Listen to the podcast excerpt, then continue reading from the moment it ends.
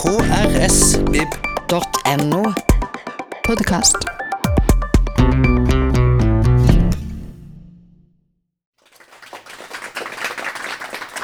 Ja, tusen takk. Eh, velkommen tilbake til Litteraturkritikk live. Jeg blir stadig like overraska over at noen gidder å høre på to halvgamle menn som diskuterer bøker de nettopp har lest. Men eh, vi er glad for det. Eh, for de som ikke har vært her før, så kan jeg da si at eh, det foregår sånn at eh, vi tar opp tre bøker. Vi anmelder de og diskuterer de og leser fra de. Så det er litt høytlesning oppi det her. Det gjør vi som et alternativ til aviskritikken som blir kortere og kortere. Og I dag så er det da tre bøker som eh, vi skal ta for oss, som ble utgitt da i år og i fjor. 'Roseromanen' av Øyvind Berg. Den tar vi til slutt. 'Inn i naturen', 101 norske dikt. En antologi som kom i fjor. Og så starter vi med Peder Cappelens 'Alene med vidda', som er da en gjenutgivelse av en gammel klassiker fra 1964. Så spørsmålet er jo da om den holder vann. Eh, Og felles for de bøkene her, det er da litteratur og natur. Så vi starter rett og slett med Peder Cappelens eh, klassiker. Det står på forsida her et sitat fra Aksel Sandemoses eh, anmeldelse fra 1964. Dette arbeidet må de helt enkelt anskaffe dem. Og eh, Johan Borgen mente da at eh, i 'Alene med vidda' trer Peder Cappelen frem som selvstendig dikter, ikke bare engasjert skildrer av dyr, dyp naturopplevelse. Så han tar da veien, eller overgangen, fra naturskildrer til dikter. Har dere hørt om Peder Cappelen? Ja, fint. Det, han var dramatiker, veldig produktiv dramatiker, og også prisbelønt dramatiker. Satt opp f.eks. Eh, folkeeventyr på scenen, og kjent som naturskildrer. Han var forlagsmann. Han kom jo da fra forlagsdynastiet Cappelen, og vokste opp i et eh, meget møblert hjem, eh, fullt av eh, malerier av kjente kunstnere. De hadde Edvard Munch på do, til og med. Det var, så, var ikke plass ellers. Ja. Eh, men det er da eh, forlagsmannen og, og bymannen som også har da fått en oppvekst hvor han ble dratt ut i naturen og ble sjøl en ihuga friluftsmann. Boka er en skildring av ei reise i, opp til Hardangervidda. Den skildrer én måned ca. tilværelse der oppe. Juni. For prosjektet som han sier, han vil oppleve våren i fjellet. Så han var da førstemann opp på fjellet oppe på Hardangervidda eh, denne våren i 1964. Boka er litt sånn dagboksaktig eh, i strukturen, eh, men også dels sånn tematisk. At den tar f.eks. opp dyr, planter, fiske osv. Så, videre. så en blanding mellom dagbok og en sånn temabok om fjellet og livet i fjellet. Og det er da, eh, Han skriver seg da inn i en sjanger, en sånn eh, villmarksboksjanger, som går tilbake til ja, i alle fall eh, 1850-tallet, med, med Henry Thoreau eh, sin bok 'Walden', eh, 'Livet i skogene'. Men ellers så har vi jo da eh, store sånne skildrere som Helge Ingstad og Fridtjof Nansen, som har gått opp eh, sporene før. Så han har litt å bryne seg på når han skal gi ut en sånn villmarksbok. Og eh, Einar, det var du som insisterte på at vi skulle ha den her med, så eh, du får forklare det. Ja, eh, det bør jo nevnes at det er Bjarne som er proffen her. Jeg er litt sånn sidekick som bare er med på sida her. Men jeg, jeg liker den her veldig godt. Uh, og så Spørsmålet er hvorfor. Uh, og det er vel egentlig to typer bøker som jeg kikker på som regel. og Det er de som har den store fortellingen. Er sånne episke fortellinger, som er litt sånn den klassiske amerikanske historien som jeg liker veldig godt. Og så er det de som flyter på språket. Uh, og den her er jo det siste, helt klart. Den flyter på språket. Uh, en annen som jeg liker veldig godt som gjør det, er jo han som har skrevet Stoner, Williams. Det er også en sånn bok som flyter egentlig på språket. Det er også en stor fortelling, egentlig, men det er språket den først og drives frem av. For det er så vakkert skrevet, og så, og så, så følsomt, da. Så setninger er bare sånn De sier helt åpenbare ting, men de sier det på en måte som gjør at det blir litt sånn wow. Det er rett og slett en estetisk opplevelse å lese setninger, og bare sånn enkle ledd av en setning og sånn, som bare gjør Som er magisk. eh. Og det er det med den her. Den er utrolig godt skrevet sånn på setningsnivå. Sånn, det skjer egentlig ingenting eh, av interesse. Det er ingen fortelling. Vi satt i dag og diskuterte hva er det, hvorfor er den egentlig på vidda. Det får du aldri vite. Det skjer nesten ingenting. Eh, det er bare sånne beskrivelser av hendelser. Ren, altså det vi, vi filosofer kaller fenomenologi, egentlig. Det er bare en ren beskrivelse av slik det fremtrer for ham der han sitter. Veldig mye. Eh, det, men det er så vakkert skrevet at det er, jeg leste den ut bare sånn uten å legge den fra meg. Og det sier jo noe, selv om det ikke skjer noen ting. Og det er sånne nyanser. Det er en, en, en språklig følsomhet, vil jeg si, som gjør at dette her er en helt fantastisk bok. Først og fremst. Det er egentlig grunnen til at jeg insisterte. Jeg leste den, så ble jeg sånn wow. Uh, så det er vel egentlig svaret på det. Uh, og så er den jo uh, morsom. Det er ganske humoristisk til tider. Det er en hendelse der blant annet hvor han kommer inn på vidda, har gått i 13 timer og har vært der et par dager, sånn, så, så sitter han og drikker litt. Og så plutselig så sier han nei, det er på tide å pusse børsa. Og da ble jeg litt sånn nei, nei, nei, kanskje ikke det er så lurt nå. Nå har du liksom sittet og pjolta lite grann. Og da tar han og pusser børsa og går på jakt. Og skyter litt sånn vilt rundt seg. Altså, den er ganske humoristisk skrevet til tider, da. Uh, så det er uh, mye humor der egentlig også, som jeg syns er ganske godt plassert inn i, uten at det ødelegger for det, det vakre. Så ja. Så jeg, sliter litt med å begrunne hvorfor jeg liker den, egentlig, annet enn det jeg sa nå også. Det er språklig følsomhet. Uh, så jeg kan lese et par stykker for å illustrere det. Og og så beskriver han veldig godt liksom uh, dette uh, følelsen overfor naturen, da, selvfølgelig. Det er det som er liksom det, det magiske. Altså han, han, har en sånn sensitivitet overfor den ville naturen som er ganske uh, fin. da. Så helt i begynnelsen så går han innover, da, forlater han bygda, drar opp på Hardangervidda.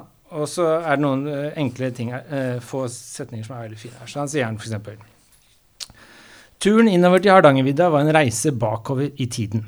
Luften ble kaldere, gresset kortere, bladene mindre og mindre. Til sist var det bare brunt daugras og dvergbjergknopper som reddikfrø. Da var jeg i Geitvassdalen og hadde nådd igjen vinteren. Det er beskrevet som en reise tilbake til van drar da i 1. juni, er det vel? Begynnelsen av juni. Og så når han går lenger oppover innover han kommer, jo lenger tilbake mot vinteren kommer han egentlig. Så det er sånne så bitte små sånne magiske øyeblikk som jeg syns er veldig morsomt. Eller ikke morsomt, men vakkert. Her er en annen en. Nå gikk veien rett ned til bua. Den lille hytta strittet imot, ville ikke åpnes med en rusten og stor jernnøkkel. Noe hang igjen, en duft, et skymt av i fjor. Et kraftig dunk, og døra gikk opp. Det nye året blåste inn. Så det er vakkert. Det er litt sånn magisk, da. Så det er det som han lykkes veldig godt med. Og så eh, Jeg vet ikke hvor mye jeg får lov å lese? Ja, ja. ta litt til. Eh, det er en linerle som går igjen her en del. Uh, en annen ting som er litt morsomt, er at han egentlig så han driver litt Han skal liksom vise litt sånn maskuline muskler i løpet av boka. av en eller annen merkelig så Han virker ikke sånn veldig maskulin, spør du meg. han klarer ikke å skyte et eneste dyr, f.eks. Han bommer på alt. Uh, og han drikker litt og skyter litt utafor, og fuglen rømmer, og han får ikke reven. Og så skal han skyte en rev da, som han irriterer seg på, og så oppdager han plutselig at det er en sånn grå fjellrev. Og da angrer han, for da klarer han ikke å skyte den. For den var så fin, da. så han er liksom, han har ikke helt den derre Han er egentlig ikke en villmarkedsmann, føler jeg. Eh, på mange måter. han er et bymenneske. Han er et bymenneske, men allikevel så utrolig eh, glad i villmark er han. Så eh, her er det et veldig søtt øyeblikk når han har kommet seg inn i hytta. Dette er en veldig nedfallen, gammel hytte. Trang lita jakthytte, har jeg inntrykk av. Og jeg kjenner faktisk sønnen hans. Herman Cappelen, professor i filosofi i Oslo. Og han fortalte meg at hytta var veldig liten og gammel og trang og blåste tvers gjennom alt. Og de var der som barn hver sommer. Så dette er en hytte de har vært på veldig mye, eh, både han her og familien. Så han har et langt og solid forhold til denne hytta. da. Så det er ikke bare sånn at han går inn til en turisthytte, liksom. Så han har vært veldig godt kjent med det området her, da. Eh, men her er et sånn søtt øyeblikk eh, når han har kommet inn i hytta. da. Et pip fra døren, og nok et pip. Jeg fikk ikke vinduet opp i natt, han har akkurat overnatta første natta. Satte døren på gløtt. Der sitter en linerle. Vinden puster fjærdrakten opp. Den virker pjusket. Ikke sant, bare det er så vakkert. Den puster fjærdrakten opp, så virker den litt pjusket. det er skjønt. Uh, bena er sorte og tynne som snelletråd. Herregud, hva gjør en linerle her i fjellheimen? Den piper på ny og tripper nærmere. Og nå husker jeg. Fuglen hører til ved bukjønn. Den har bodd der i tre somre, og den skal ha havregryn. Så han er der for å få mat. så det er sånne uh, fine øyeblikk, da. Og så den her likte jeg veldig godt. Jeg kan godt gi meg etter den her. Her, her likte jeg veldig godt. Mens jeg romsterer, så han oppdager da, når han går rundt på gulvet at det er veldig rotete, han må rydde og vårrengjøring i hytta, da, for det har ikke vært her siden i, i høst. Og dette er jo da i begynnelsen av juni. Så sier han Mens jeg rumsterer frem og tilbake, møter jeg en fjellmus. Den har kurs for døra. Vil den inn? Men nei, på trammen bøyer den under terskelen og forsvinner ned i gamlebua. Øyeblikket etter stikker en spiss og prøvende snute frem, piler ned til stranden og henter noe. Fjellmusen volder meg bekymring. Kanskje kommer jeg til å ta turer på et par-tre dager, og det er ikke lite en musefamilie kan utrette på den tiden.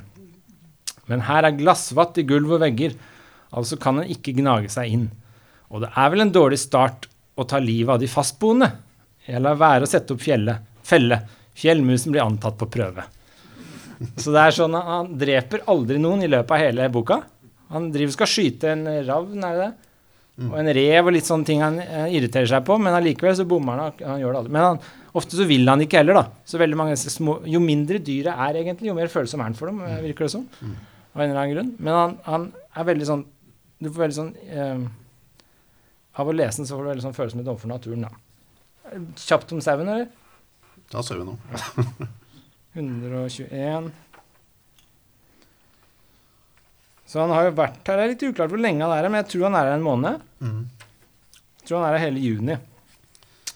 Og nå har han gått rundt oppi fjellet der, da, så, uh, så finner han noen fall, fallgraver. Jeg er litt usikker på det men det er noe sånn, sånn dyr skal falle nedi, er det ikke? Eh, Mm. Fallgravene uh, er rast igjen. De to fallgravene er rast igjen. Den andre er like god. Og nedi den, kilt mellom to steiner, sitter en sau. Han oppdager en sau som sitter fast der. Tanken på fersk kjøtt er aldri fjern i fjellet. Mellom hermetikk, tørt brød og mislykket bakverk oppstår lengselen etter et blodig stykke kjøtt. Av ku, rein eller for den saks skyld sau. Jeg tar en pust her ved pilgarden, hånda streifer borti tollekniven.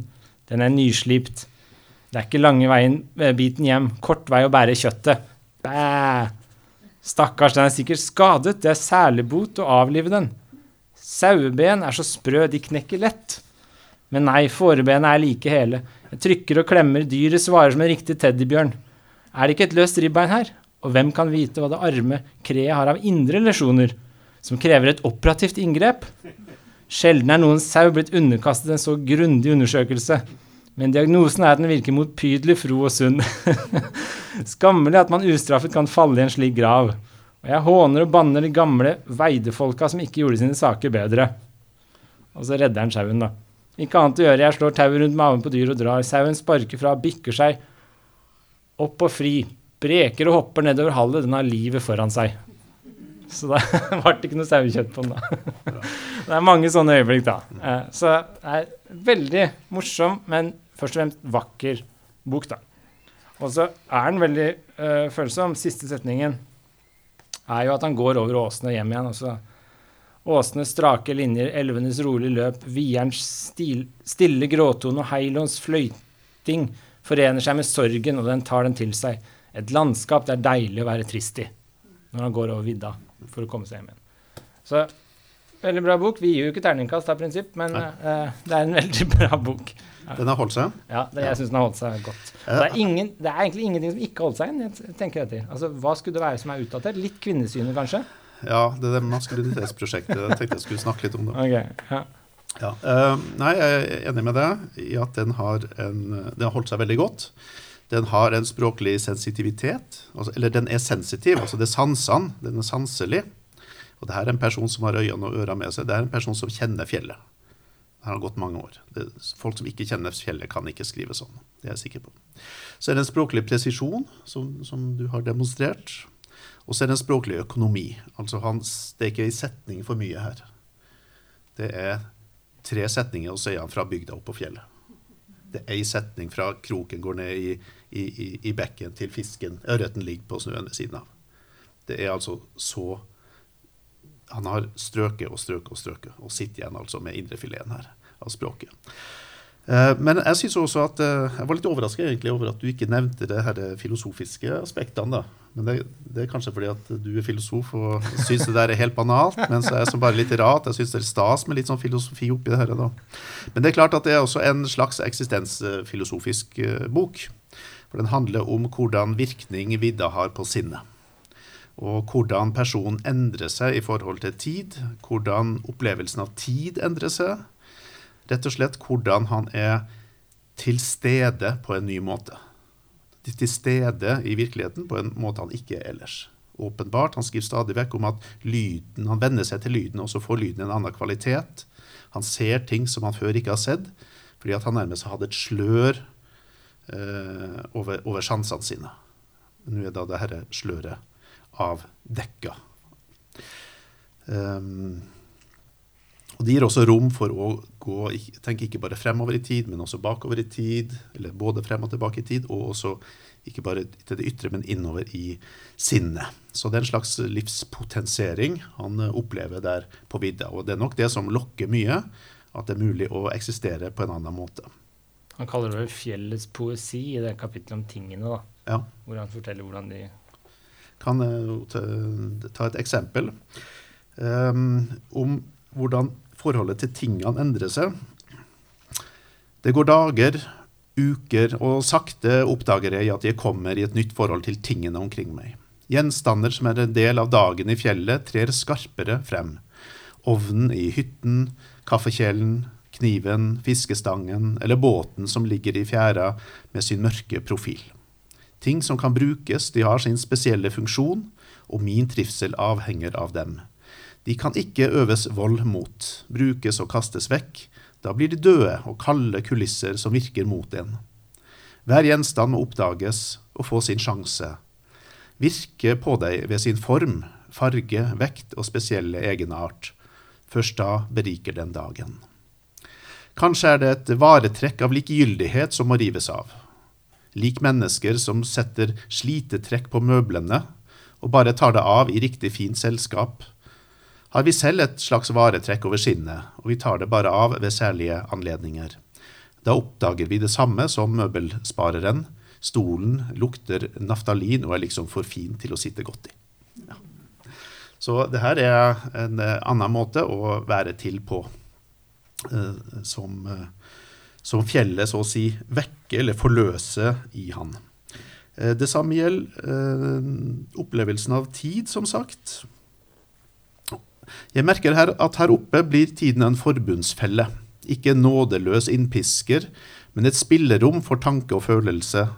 En sval og klar fjellsjø, det strømmer stritt ved oset, men med ukjente dyp og grunne, stille viker. Og tidens kraft virker ikke lenger fremover, mot det som skal skje, men bakover og innover mot det som var og er. Ja, og eh, noe tilsvarende skjer med språket, sier han. Eh, man får, selv om man ikke snakker med folk på dagevis, så får man ikke lyst til å prate. Man får lyst til å være stille. Språket blir bråk, rett og slett. Men her kommer da et av mine poenger. da. Han er en luring. For han sier ikke egentlig grunnen til at han er der oppe. Han sier at han vil komme for å oppleve våren i fjellet, og sånt, og så får vi liksom inntrykk av at det er våren i fjellet som skjerper alle sansene og, og uh, får, får, hele sanseapparatet til å våkne opp. Men grunnen til at han er der, er for å skrive denne boka. Og det sier han ikke et ord om. Han sitter kveld etter kveld etter kveld og skriver. Det er ca. 30 små, karte kapitler her. Omtrent da tilsvarende antall dager som han er der oppe. Så han sitter der og skriver, og han sitter og stryker og skriver og stryker og skriver for å få perfekte setninger. Uten å nevne det med et ord. Og så tenker jeg da at da er det kanskje motsatt logikk, egentlig. Han kommer dit opp for å skrive, altså må han skjerpe sansene og bli ekstra årvåken. Og så kan naturen få rosen for det. Mens det egentlig er litteraturen som har vekt sansene, eller selve skriveprosjektet. Altså, kan jeg si ja. til det? Altså, jeg, jeg, er jo enig, jeg tenkte jo også at hvorfor han er der han sitter og skriver, men for det første er det veldig imponerende han skrev der på 30 dager. Det er jo veldig bra. Ja, men altså, jeg tror ikke vi jeg, Sånn generelt, da, så tror jeg det er en dårlig idé å, å tolke kunstverkene ut fra intensjonene eller motivene til kunstnerne. Altså, da tror jeg vi blir fort skuffa over mye kunst, hvis vi begynner å lete etter det. Så jeg er kanskje litt mer sånn tradisjonell på det at jeg, jeg ville Ja, jeg er jo enig i at det er kanskje et poeng i det, men altså Jeg tror ikke jeg ville bedømt boka som litterært verk pga. det, liksom. Ja. Nei, men jeg lurer på at han har et lite spill der. Han vil gi uh, naturopplevelsen rosen, og så skal liksom bare ordene komme av seg sjøl. Mens det er nettopp det leitinga etter ordet som skjerper opplevelsen.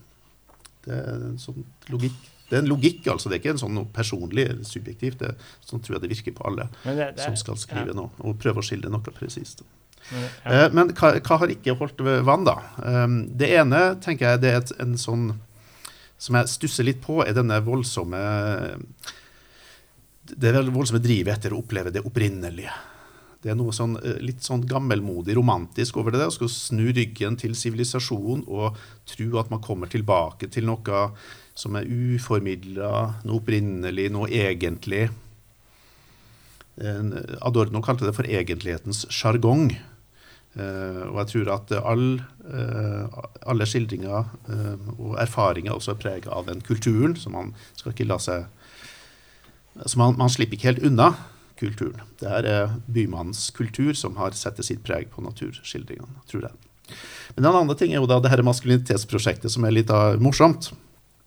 Han skal opp i, i, i fjellheimen og være mann, men en pinlig orden og renslighet i huset er like meget sinnets hygiene. Fjellskrekken, denne forunderlige redsel for vann, fjell, vann og vidde, en angst for selve rommet, lurer stadig på en. Man må kunne føle at hytten er en egen og avgrenset verden. Fire vegger til vern mot en uendelighet man ikke lenger kan bære. Slik, tvinges man til å utføre alle arbeider, også dem som vanligvis er overlatt kvinner. Og Det er en sånn passiv konstruksjon her. Vanligvis overlatt kvinner. Jeg lager meg ingen ryddeoppgave der det ingen er. Oppvask? Nei. Det ordner bukjønn. Tallerkenene er så å si rene når de står der noen timer. Ikke at jeg er noen kvinnehater, og Gud hjelpe meg, men jeg blir het om ørene når jeg forestiller meg hvilken enorm kraftanstrengelse hun ville bruke, og hvilken maskinpark hun ville slepe over vidda for å klare det.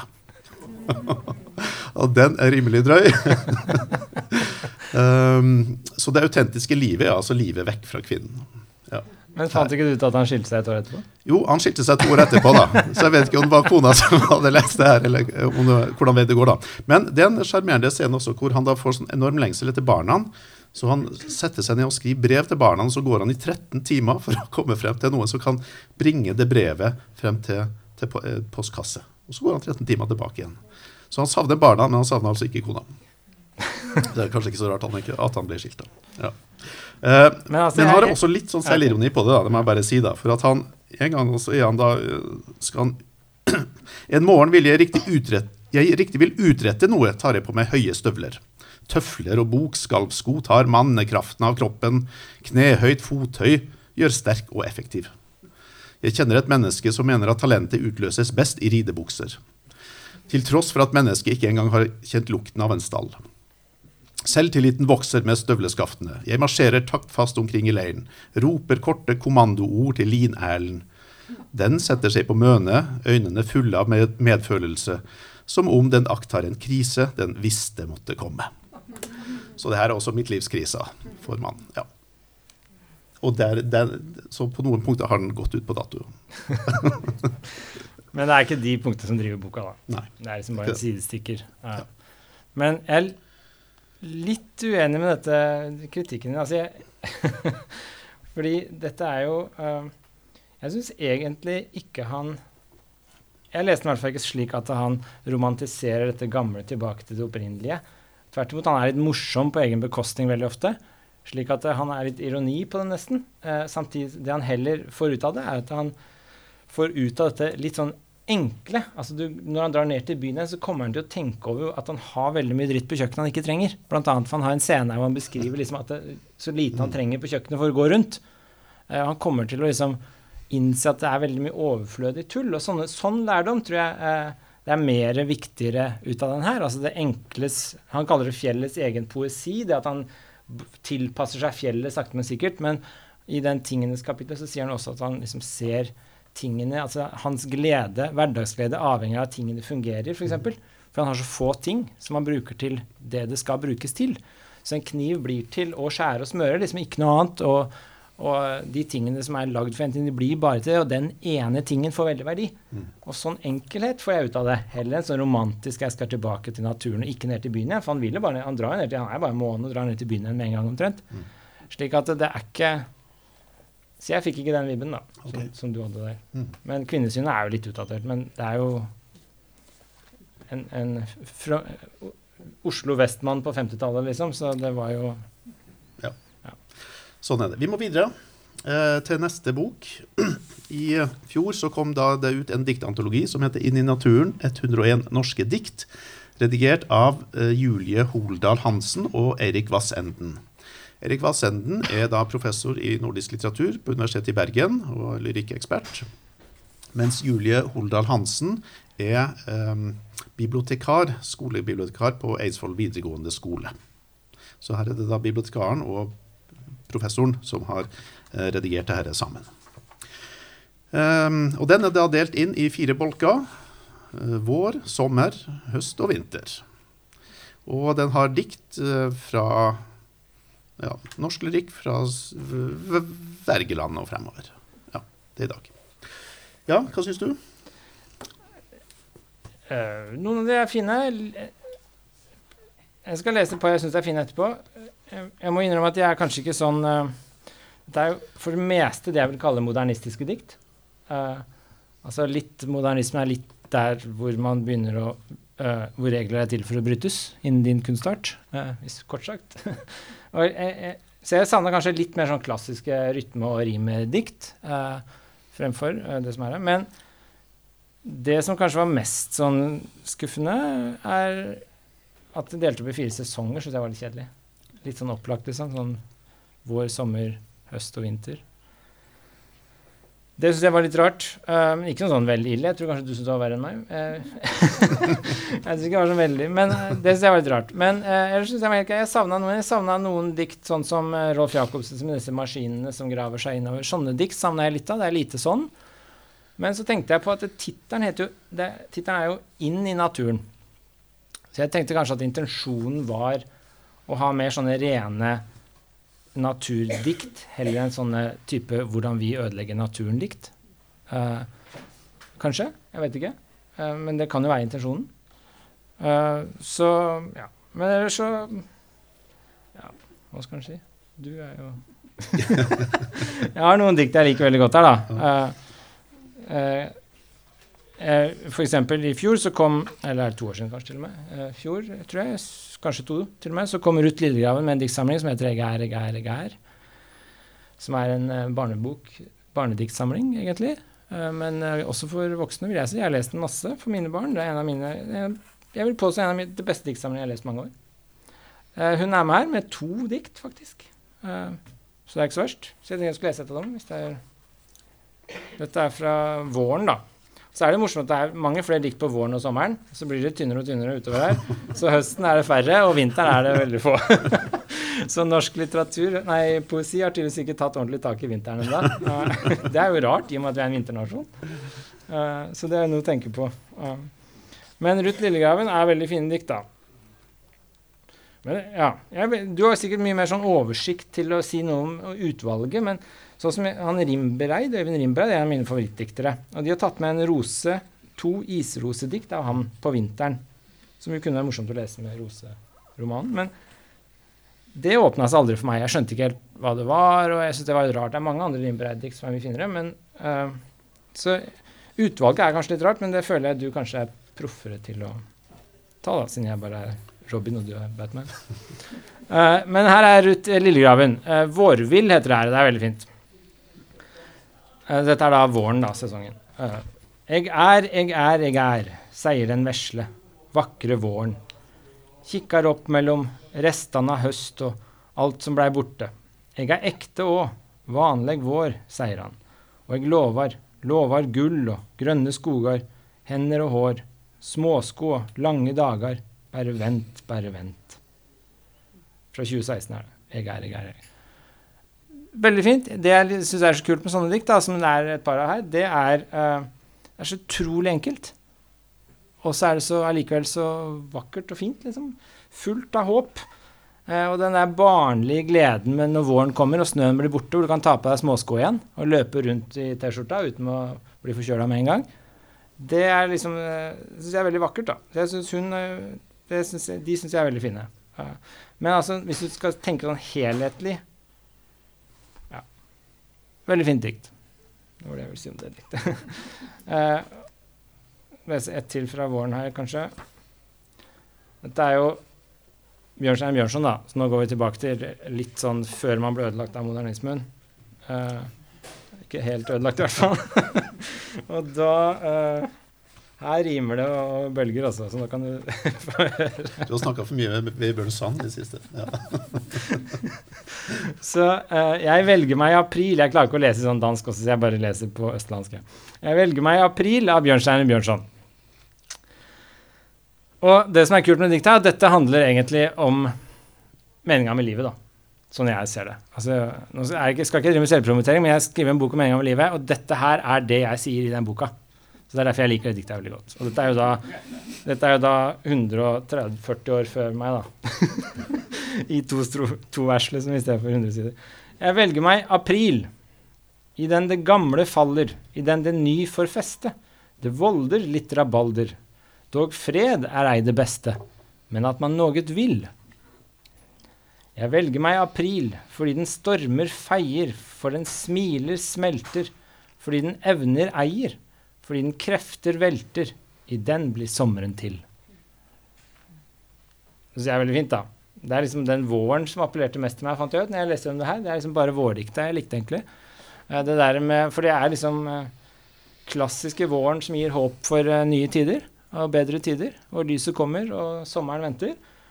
Og så, når jeg leste om sommerdiktene, så ble jeg litt sånn litt sånn deppa, fordi da kommer jeg til å tenke på hva egentlig jeg sliter med om sommeren. Altså, Sommeren er så fin årstid at jeg bare går og gruer meg til det er over. Eh, og det skjønte jeg her når jeg leste sommerdikta, for det er også sånn Det diktet jeg likte best, da, det var Alf Prøysen. I sommer, og det heter da 'Slipsteinsvalsen'. Kan jeg, jeg kan lese? Ja. Jeg har jo mye halve min slekt fra Hedmarken, så jeg er jo Prøysen-farga fra før i oppveksten. Men her er 'Slipsteinsvalsen'. Synger du nå, eller? Nei, jeg synger den ikke. Men eh, for meg er Prøysen også eh, ikke blitt ødelagt av modernismen. Da. Han er liksom ordentlig god, gammeldags, eh, litt sånn klassisk dikter, faktisk. Ja. Eh, men altså, det er litt sånn, som jeg sa om sommeren, da, det er litt deprimerende egentlig. Sommeren ser det fordi den er så fin, og så er så fort over. Eh, og det er det som skjer litt i det diktet her, da. Nå duvede blommer og raulette kinn. Enga står sammarskledt, raukløveren bøyer seg, prestkragen tøyer seg. Og det her vet jeg ikke helt hva, jeg skal si. Brureslørgraset. Brureslørgraset står tett. Brureslørgraset står tett. Allting er kveldsro hvile og fred. Og blomma veit noe om det som skal skje. Men slipsteinsvalsen går og går, og her hører jeg bare en slipstein på Hedmarken gå rundt. Nå driver du og kvesser ljåen, ikke sant? Og nå er det je som drar sveiva i år. Slipsteinsvalsen går og går, og blommer i enga, je veit hva de får. Når ljåen blir kvass nok og brynet blir med, så kjem de i morgen og meier det kne. Så tona som du hører i kveldsro og fred, det er slipsteinsvelsen som går og går og går. Jeg sjøl var, var en blomme så raulett og glad, enga sto sammarskledt, ormgraset smøyde seg, villrosa føyde seg, brures... Brureslørgraset. Bruresløgraset sto tett Mora mi hadde blitt veldig sint hvis hun hørte det. Men blommer og jinter, de blømmer så vilt, og drømmer om bryllup og alt som er gildt. Men slipsteinsvelsen går og går, og nå er det je som drar sveiva i år. Slipsteinsvelsen går og går, og blommer og jinter, je veit hva de får. Når ljåen blir kvass nok og brynet blir med, så kjem de i morgen og meier det kne. Så tona som du hører i kveldsro og fred, det er slipsteinsværelsen som går og går og går. Og det er for meg egentlig utrolig deprimerende med sommeren, da. Det er bare å gå og grue seg til at nå skal alt bare meies ned. Så det diktet jeg, jeg liker det, men det er fordi det Ja, han, han kalte det sitt mørkeste, sin mørkeste vise, det der. Ja. Eh, det er jo, Det er mann- jo det er jo mannen med ljåen og den østnorske bonde som glir sammen i en person. Eh, så det er jo dødsdiktet, da. Men det, noe av det spesielle er jo da at andre verset 'Jeg sjøl var en blomme'. Det vil si at hun hadde vært med ned før. Hvor snakker hun fra da? Hun snakker fra døden. Så det er stemmen fra den andre sida som er stemmen i diktet. For meg var det bare sommeren, september, eh, slutt. Men det høres ikke ut, det, Bjørne. Ok. Eh, ja, det er et av de, de flotte diktene som er der. Og jeg, jeg tok en liten opptelling. Jeg syns det er 25 gode dikt der. En fjerdedel ca. Og det er jo fint. Flott med en bok med 25 virkelig gode dikt. Um, og det er flott at det lages en antologi om eh, naturdikt av naturdikt uh, i vår tid. Virkelig. Uh, jeg syns ikke den oppgaven er så godt løst som antologi. Jeg syns det er en litt kjedelig eh, måte å angripe det her på. Å dele opp i, i årstider.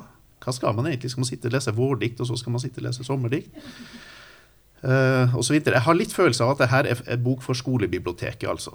Eh, Sånn at elevene kan gå og skrive en oppgave om et vårdikt og sammenligne det med et vinterdikt. eller noe sånt.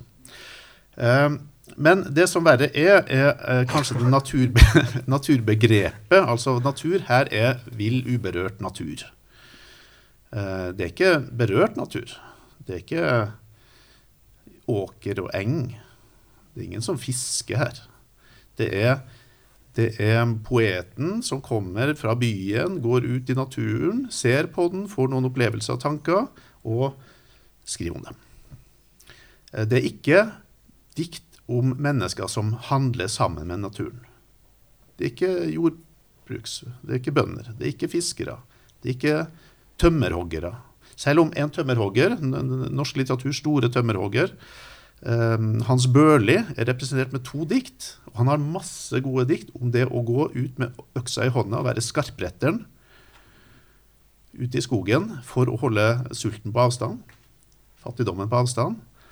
Veldig gode dikt. Og så velger de ingen av de, men de velger da noen sånne betrak vakre betraktningsdikt. Så menneskets forhold til naturen her, det er menneskets betraktende forhold til naturen. Ikke menneskets handlende forhold til naturen. Så dermed blir naturen trukket vekk fra arbeidet, bortsett fra hos Prøysen, og bortsett fra hos Olav H. Hauge. Der har vi to dikt der folk faktisk arbeider med naturen. Det er to av 101 dikt. Ehm, naturen trekkes bort fra det politiske feltet. Det er, det er et sånt politisk ingenmannsland, eh, naturen her. Jeg savner Wergeland, som eh, skrev om Nordsjøen og hylla Nordsjøen for å være en piskende skjold mot fæle Danmark. Og, og, og eidsvollsmennene sa evig å tro til Dovre faller. Altså Naturen var i det politiske feltet, men her er det helt borte. Naturen er borte også fra fellesskapet. Det er kun enkeltindivider som ser på naturen her. Naturen er borte fra religion, bortsett fra ett Wergeland-dikt, der han henvender seg til våren om å gå i forbønn for han for å redde livet hans når han er på dødsleiet. Og eh, naturen er borte fra all matproduksjon. Så tenk på sånne dikt som vi har, så Jens Bjørneboe om, om eh, steder på jorden og mat jeg liker. Ikke sant? Og fantastiske naturdikt, det òg. Men alt det der er borte. Det er øde, uberørt natur og individet. Jeg har sånn finger jeg på konferanse jeg nå. Men er du sikker på at du ikke bare ønsker deg en annen bok? Altså, Jo, jeg tenkte litt på det det samme, gjør- fordi Inn i naturen heter den. Ikke Mm. ut i naturen eller med naturen eller bland oss med naturen eller bevare naturen eller noe sånt. Det heter Inn i naturen. Så jeg tolka hele greia som Altså, jeg la merke til at det var bare ren naturdikt her. Mm. Og jeg tolka det mer som at dette skulle være det. Altså, det er det intensjonen er. Og bare gi det. Derfor det er sesonger. Det er derfor det er bare én naturlig. For Fordi du bare skal beskrive naturen. Du skal ikke fortelle oss hva vi skal gjøre med naturen. Du skal ikke gjøre noe av det du ba om. Så egentlig føler jeg at du egentlig sier det er en, ikke en bra bok fordi det er ikke den boka jeg hadde tenkt å lese. Ja, det er litt sånn. Men altså, det er et annet premiss, det du legger for en grunn til en diktsamling du ønsker deg. Mens jeg tenkte det her var poenget. For Også absolutt siste diktet, siste setningen der, så er det liksom valget. Det handler da om at vi mennesker har et valg, egentlig. Eh, og det er liksom det eneste moralen jeg fant. Og det syns jeg var egentlig ganske fint, jeg. Ja. Dette er fra Anne Bø Arktisk. Og det er siste ord i siste dikt, siste linje er bare valg. Og der kom liksom den pekefingeren om at du, nå har vi beskrevet naturen i fire kjedelige sesonger, og så nå skal nå må dere ta et valg, liksom, hva vi skal gjøre med det her. Mm. Uh, så jeg føler du egentlig bare vil ha en annen bok. Ikke at du kritiserer den boka her. Du Ja, kan jo altså, ikke kritisere en stol for ikke å være en sofa. Jeg kritiserer en bok for, for et naturbegrep som er veldig gammelmodig, romantisk. Det, er, det her er det, det David Kaspars eh, vandrer som ser utover tåkeheimen, som er prototypen for, for hele samlinga. Da. Men la oss nå eh, OK, si, det, det, kan, det lages likevel gode dikt, det er ikke tvil om det, om individet som møter den uberørte naturen. Uh, og hva, hvordan vei går man da? Jo, man kan enten bruke naturen som en slags speil på det indre, så det indre og det ytre speiler hverandre. Og noen klarer faktisk det veldig flott, sånn som Astrid Hjertnes Andersen. Eh, 'Hestene står i regnet', som et helt fantastisk dikt. Men likevel så er det der ikke en identifikasjon. Hestene i regnet er noe annet enn jeget som står i regnet og vil kjøle ned tankene sine. Eller så eh, kan man gjøre sånn som, eh, som i det første diktet du eh, nevnte. Også man kan gjøre naturen, la naturen få en stemme. Som ikke er bare et speilbilde av et menneskelig stemme, men noe annet. Rolf Jacobsen gjør det, og hun som du leste, Ruth Lillegran gjør det. det er sånne ting synes jeg er veldig flott. Å prøve å forstå at naturen den er der vi må ha et forhold til, men den er alltid noe annet enn det menneskelige. Det lar seg ikke fange inn av det menneskelige, men vi kan prøve å gi det en stemme eh, på en respektfull måte. Da. Det synes jeg er flott. Og En tredje variant eh, er å bruke naturen som utgangspunktet altså for, for fantasi og, og, og diktning. Eh, Sånn som f.eks. Annabelle Despard gjør når hun skildrer da et snøras som ei dame, en tykkfallen dame som bare gl, overvektig dame som bare glir nedover og drar med seg en skoleklasse på tur og, og feier bort toglinjene og sånt. Og, og resten er bare gjørme, da. Så, så også innenfor dette konseptet så er det da gode dikt. Um, det er det. Uh, I alle tre, tre varianter der, da. Men siden tida begynner å gå nå, så skal jeg klare meg å lese, få lese ett, da. Hvilket var favorittdiktet ditt? Jeg er veldig svak for uh, Astrid Hjertnes Andersen. jeg. Hestene står i regnet. Det er faktisk uh, altså det er ikke et sånt enderimsdikt, men det er, har en fast rytme. Og det er den rytmeformen hun bruker, og faktisk lånt av Wergeland. Såkalte Wergelandstrokeen. Så fire trokeer. Så tunglet, tunglet, tunglet, tunglet. Og som også Ibsen bruker i, i Per Gynt. Bukk fra oven, bukk fra bunnen, stange dess i samme stund. Det er den rytmen der det går på. da. Veldig flott. Når mitt sinn er fylt av drømmer, mere dunkle, mere fjerne enn min tanke kan forklare, mere ville, mere hete enn mitt hjerte kan forstå, vil jeg bare stå i regnet, slik som hester står i regnet, på en bred og saftig slette mellom tunge fjell som her. Stå og kjenne kroppen suge dette svale, sterke, våte, som i strie strømmer siler over ansikt, hår og hender. Ligne skogen der den suger som et barn av himmelens bryster, ligne sletten full av sødme, sitrende av fromt begjær.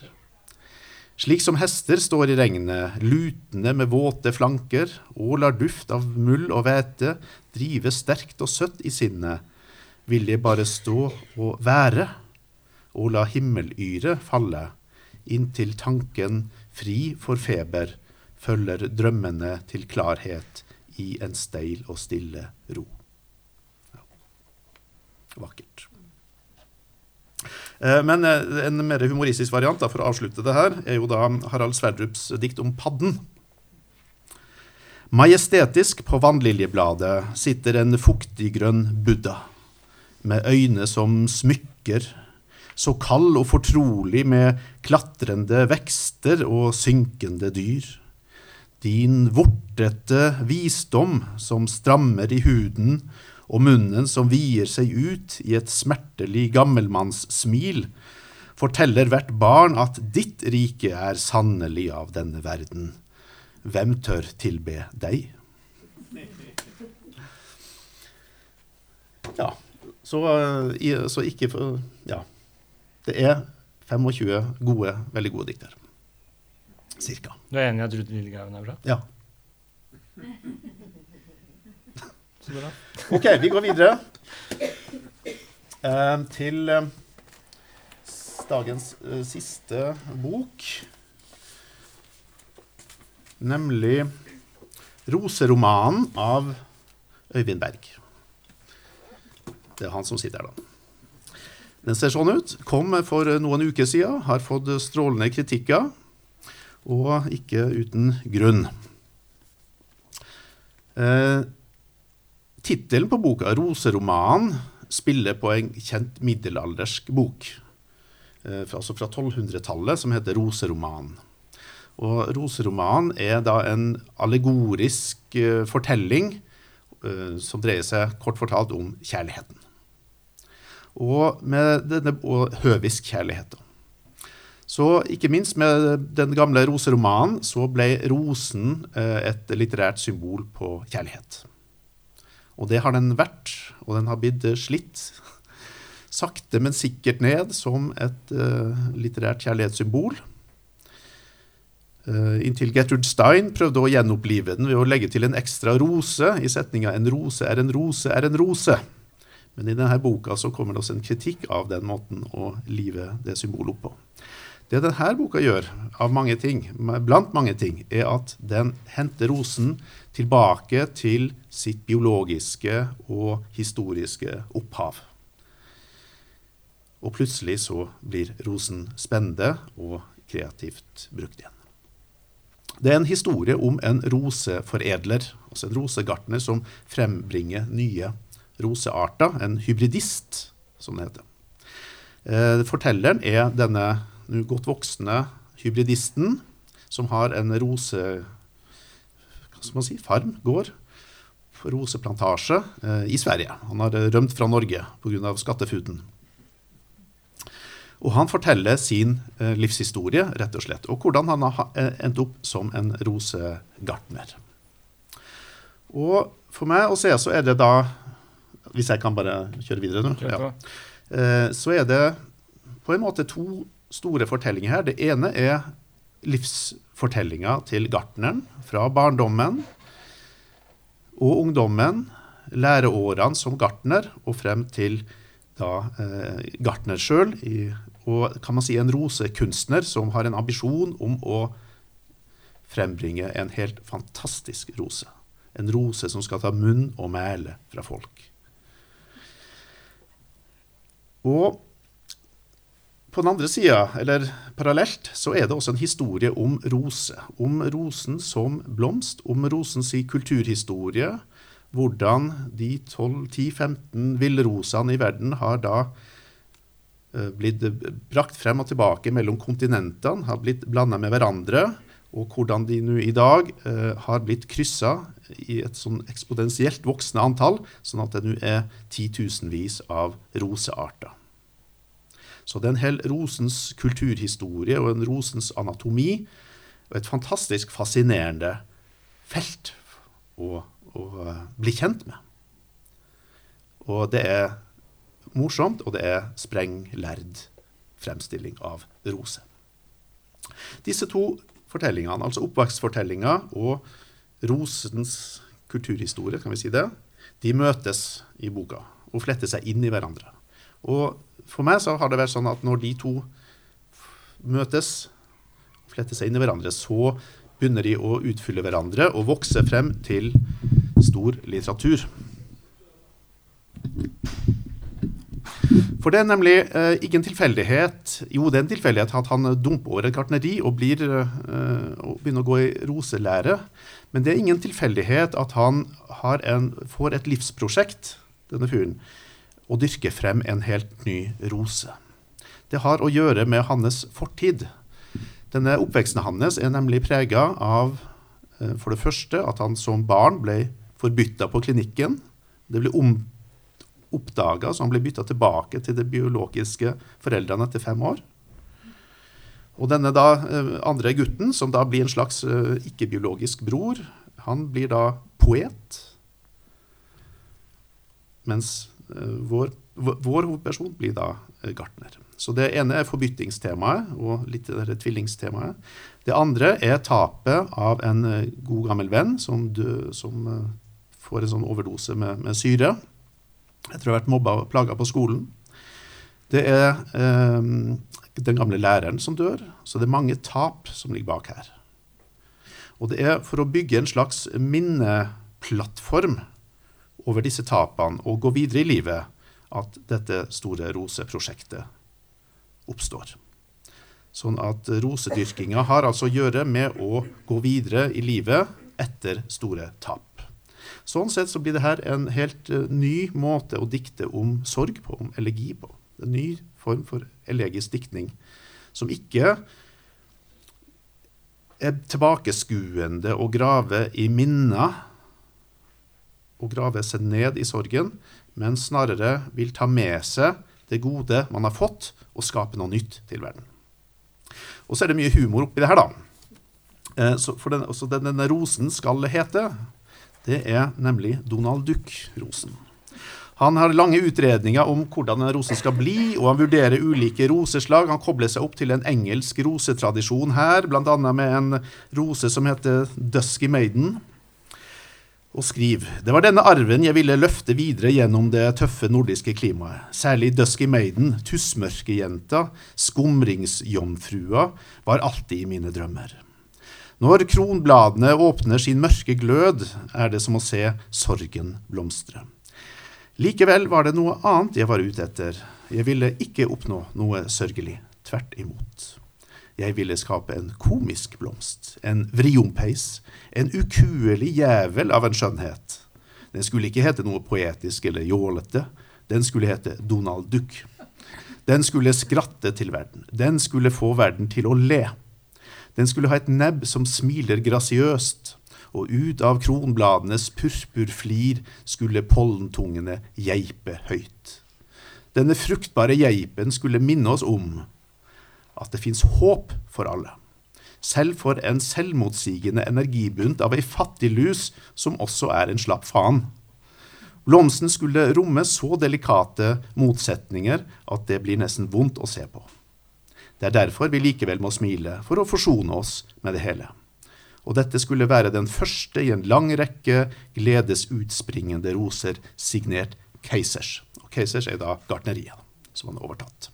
Så dette er da det store prosjektet um, som, som, vi da følger frem mot slutten av boka. Og han står altså på randen av et internasjonalt gjennombrudd og skal da på roseutstilling, eller stille ut rosa på en stor roseutstilling i England, hvor selveste Eh, dronninga av England kommer for å se. Og da snur det hele. Eh, jeg skal ikke røpe akkurat eh, hvordan det gjør det, men la meg si litt om duften, eller la meg si litt om hvordan denne duften skildres. For det viser seg at det er ikke først og fremst synet, men duften som, som skaper effekten. Og i skildring av duften så får vi altså en utrolig lang og herlig fantasifull eh, skildring av hvordan duft flykt, på en flyktig måte endrer seg. Det er duften som får folk til å le.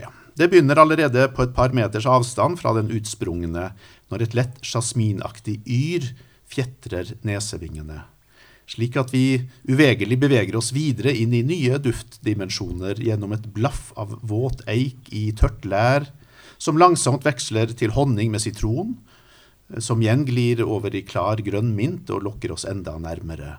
Så rynker vi nesa til våt hund mot solvarm hud, før havet slår tydelig inn med sitt salte skum. Og den stadig underliggende minstrømmen forvandles til rein furuduft og blir dominant. På dette stadiet rapporterer noen om vått løv i soloppgang og fersk asfalt. Men nå står vi så nær blomsten at det skarpe kanelbittet pirrer oss til å kiles av pollentungenes sylskarpe appelsin. Reaksjonen er alltid den samme folk ler. Et sånt makrosyntagme kalles det, når det bare eh, setninga går og går nedover sånn. Men altså, det fascinerende er at, eh, at denne fantasifulle uh, kreasjonen her det kobles altså til livshistoria som har en nokså mørk grunn. da. Så det er en nokså lett og ja, lys, munter, vidd overflate, men med en dyp klangbunn. Uh, og som sagt, minneplattformen er da bildet for, uh, for denne prosessen. Det tar over ti år å dyrke frem en rose. Men i tillegg så er det sånn at denne rosedyrkinga også for hovedpersonen blir veldig meningsfull. Så vi beveger oss da inn i diskusjoner om meninga med livet, rett og slett. Så vi får en filosofisk roman. Og personen treffer også andre personer som har en mye mer praktisk tilnærming, holdning til livet. Så vi får en diskusjon omkring to livsformer, eller to, to væremåter, da, tenkemåter. Den praktisk orienterte, nytteorienterte, stødig, eh, stabile personlighetstypen og den filosofisk spørrende typen som, um, som alltid må stille spørsmål i tilværelsen. Og de to holdningene blir da satt opp side om side. Begge er like gode, men de må balanseres. Um, I tillegg så får vi da diskusjoner mellom disse to tvillingene, for den ene har blitt poet, og den andre har da blitt rosegartner om hva som er da meninga og uh, innholdet um, så, ja, med de to former for kunst. Da. Så får, det blir også en kunstnerroman ut av det hele. Det er ikke tvillinger, da? Nei, altså tvillinger i anførselstegn. Ja. Uh, sånn at vi altså um, fasciner, Den fascinerende roseverdenen, uh, roseprosjektet, kobles da til sorg, tap, diskusjoner om mening med livet, praktisk, filosofisk uh, livsholdning, gartnerivirksomhet, poesi og ikke minst forholdet mellom menneske og natur. Fordi um, noe som er poenget med hele denne, dette roseprosjektet, Andeby-stammen, da, det er ikke bare Donald Duck, for det er også Onkel Skrue og B-gjengen og Olo Dolo Doffen og Petter Smart og sånt. De er med der. Eh, men de skal krysses frem av planter som passer sammen. Man skal ikke tvinge krysninger på. Man må lytte til dem, sier gartneren. Man må lytte til hva blomstene vil. Hvis det er noen som ikke vil krysses med hverandre, så må man ikke gjøre det. Man må gå i dialog med planteriket. Og det diskuteres til og med om planter kan ha fri vilje til å vokse som de vil.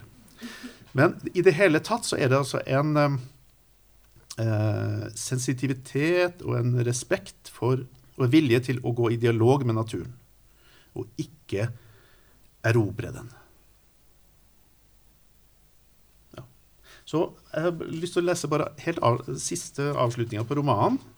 Eh, fordi at jeg kom til å tenke på disse bildene av eh, Mount Everest-gjengen, som da står i kø nå. og De forsøpler hele fjellet. De, halvparten av de dør. Og så avslutter da denne romanen sånn som det her.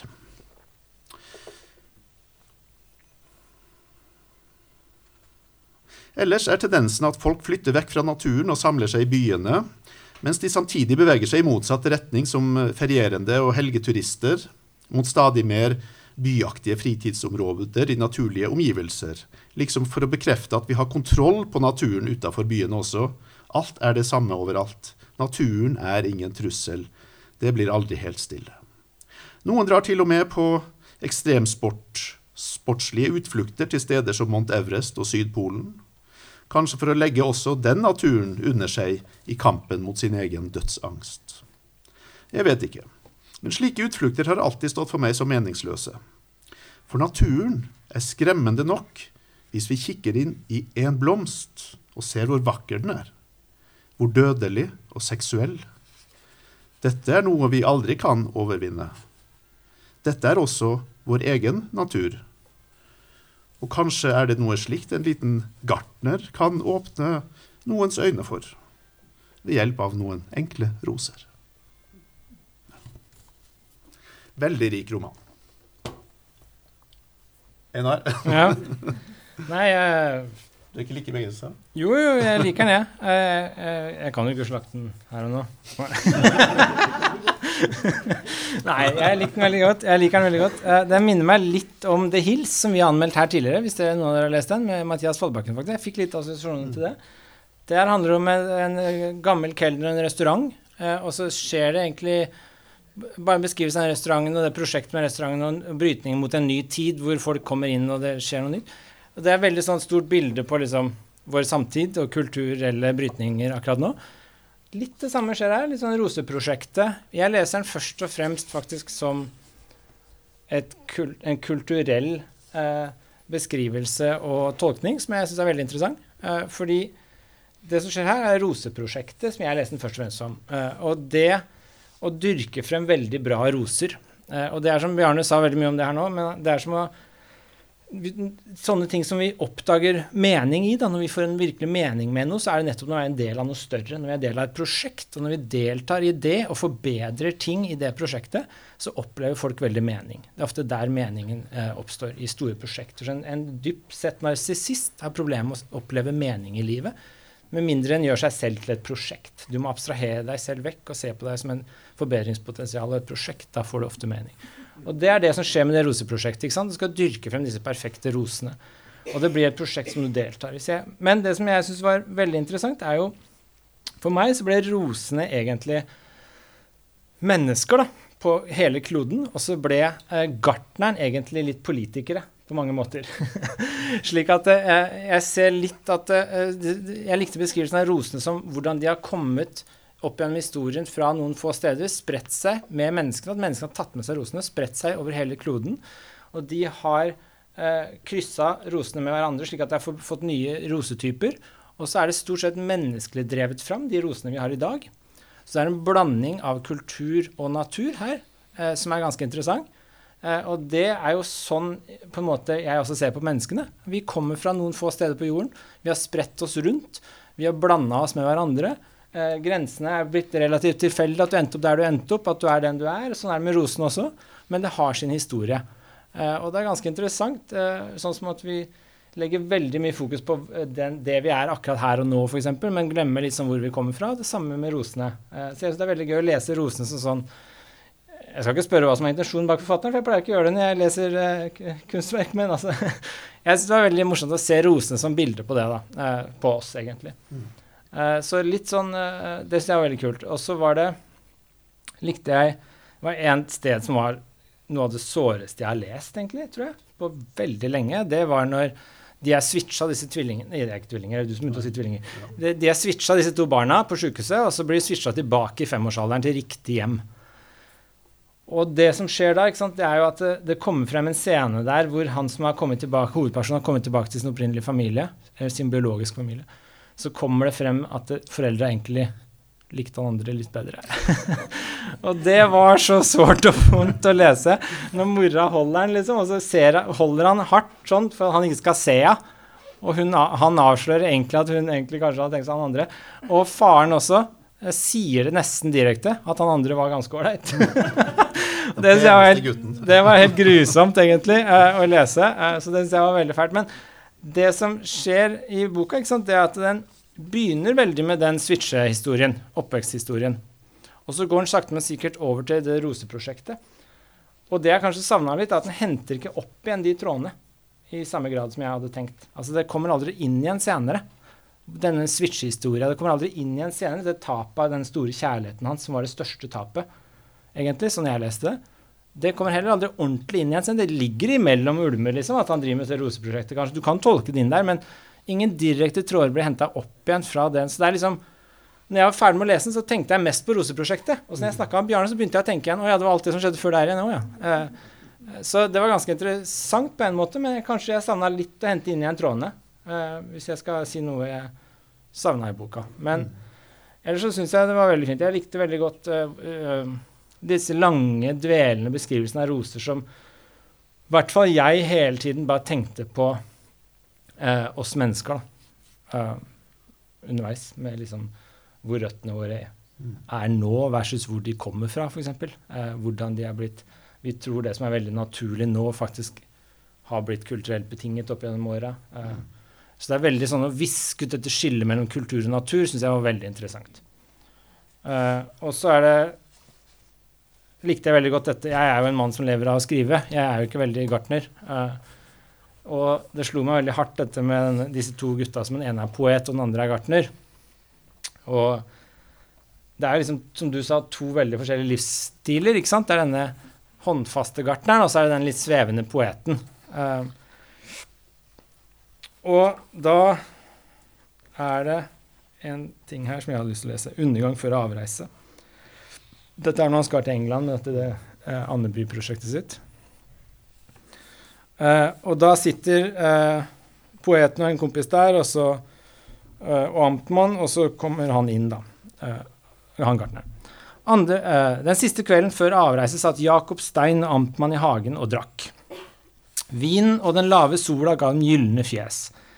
Jeg satte fra meg trillebåra full av skvallerkål. De kommenterte den ustoppelige lukinga mi og lirte av seg noen komplimenter. Jeg trodde ikke på dem. Alt jeg så, var tre menn som ligna skyggen av seg sjøl. Arbeidet til de to dikterne var både for altoppslukende og for uforpliktende.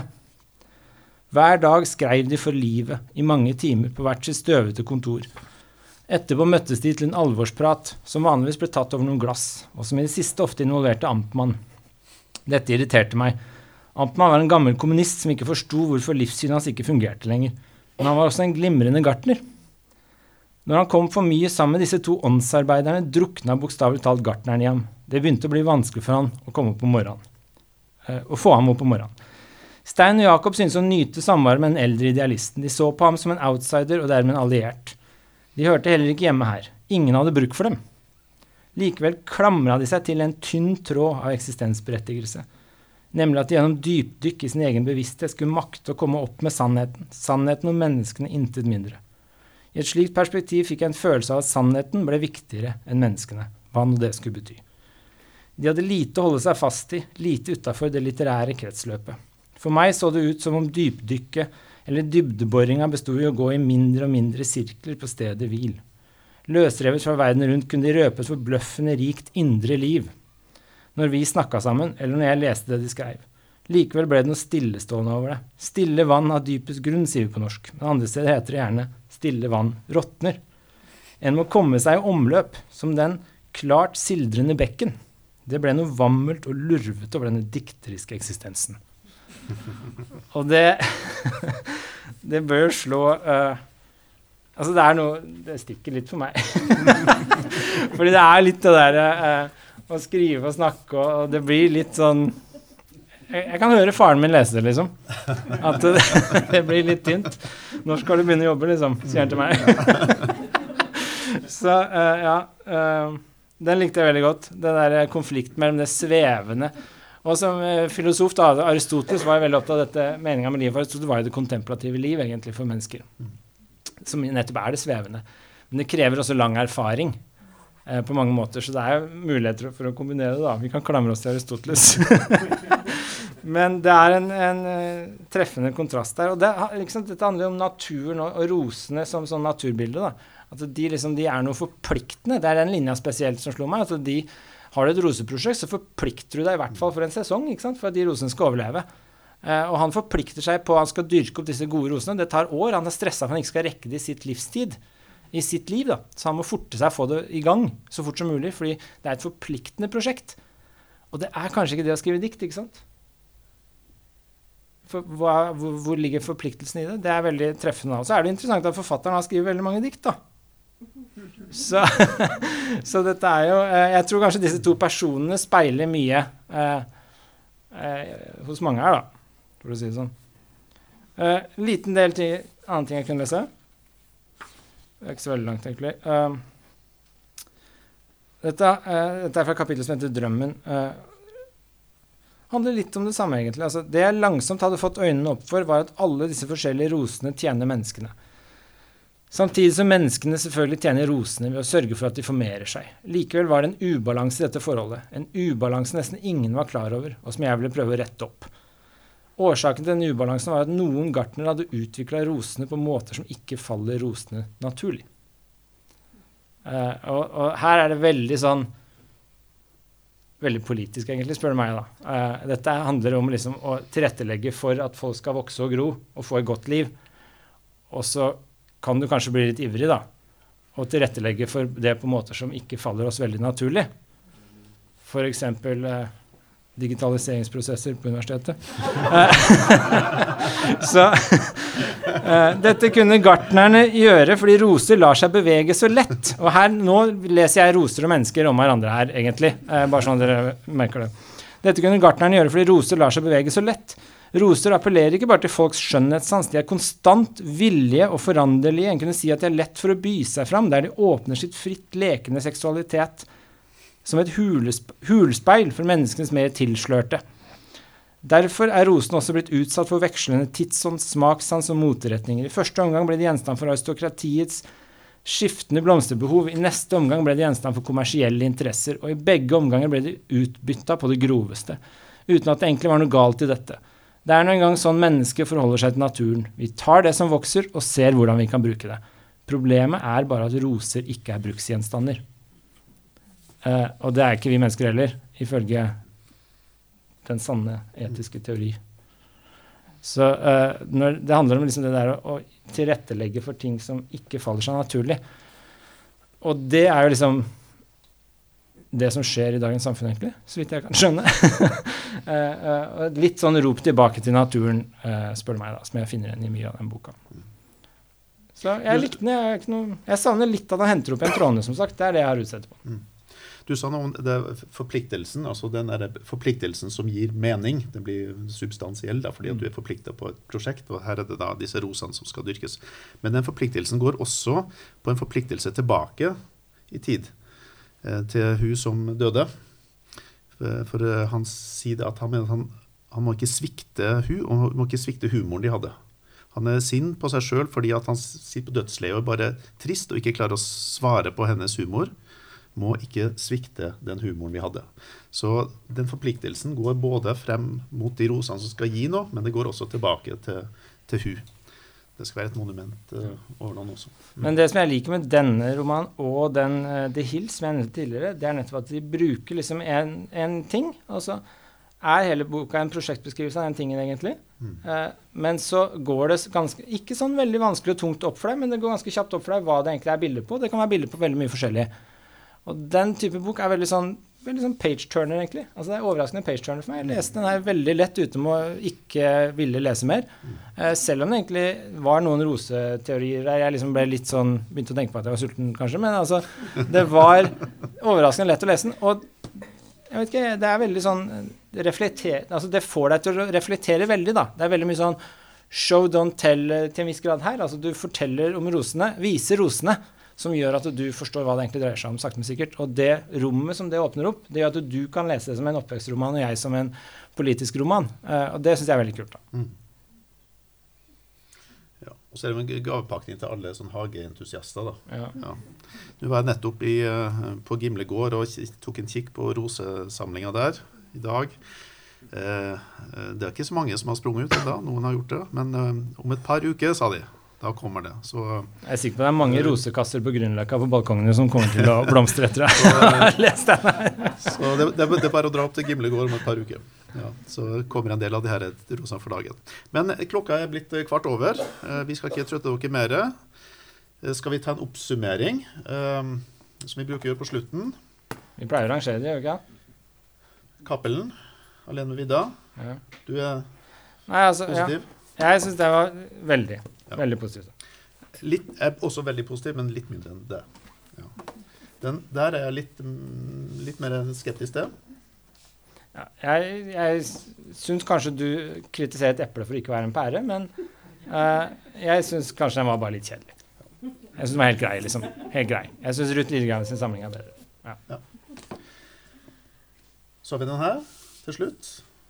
Anbefales. Veldig god. Les den. Kjøp den.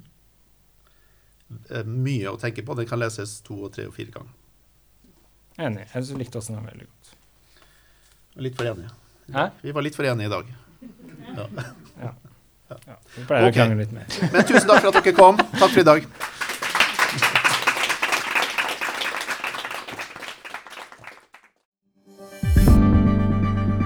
Flere podkaster fra oss finner du på Google Podkast Apple Podkast eller iTunes, eller ved å stikke innom vår hjemmeside på krsbib.no. krsbib.no. Podkast.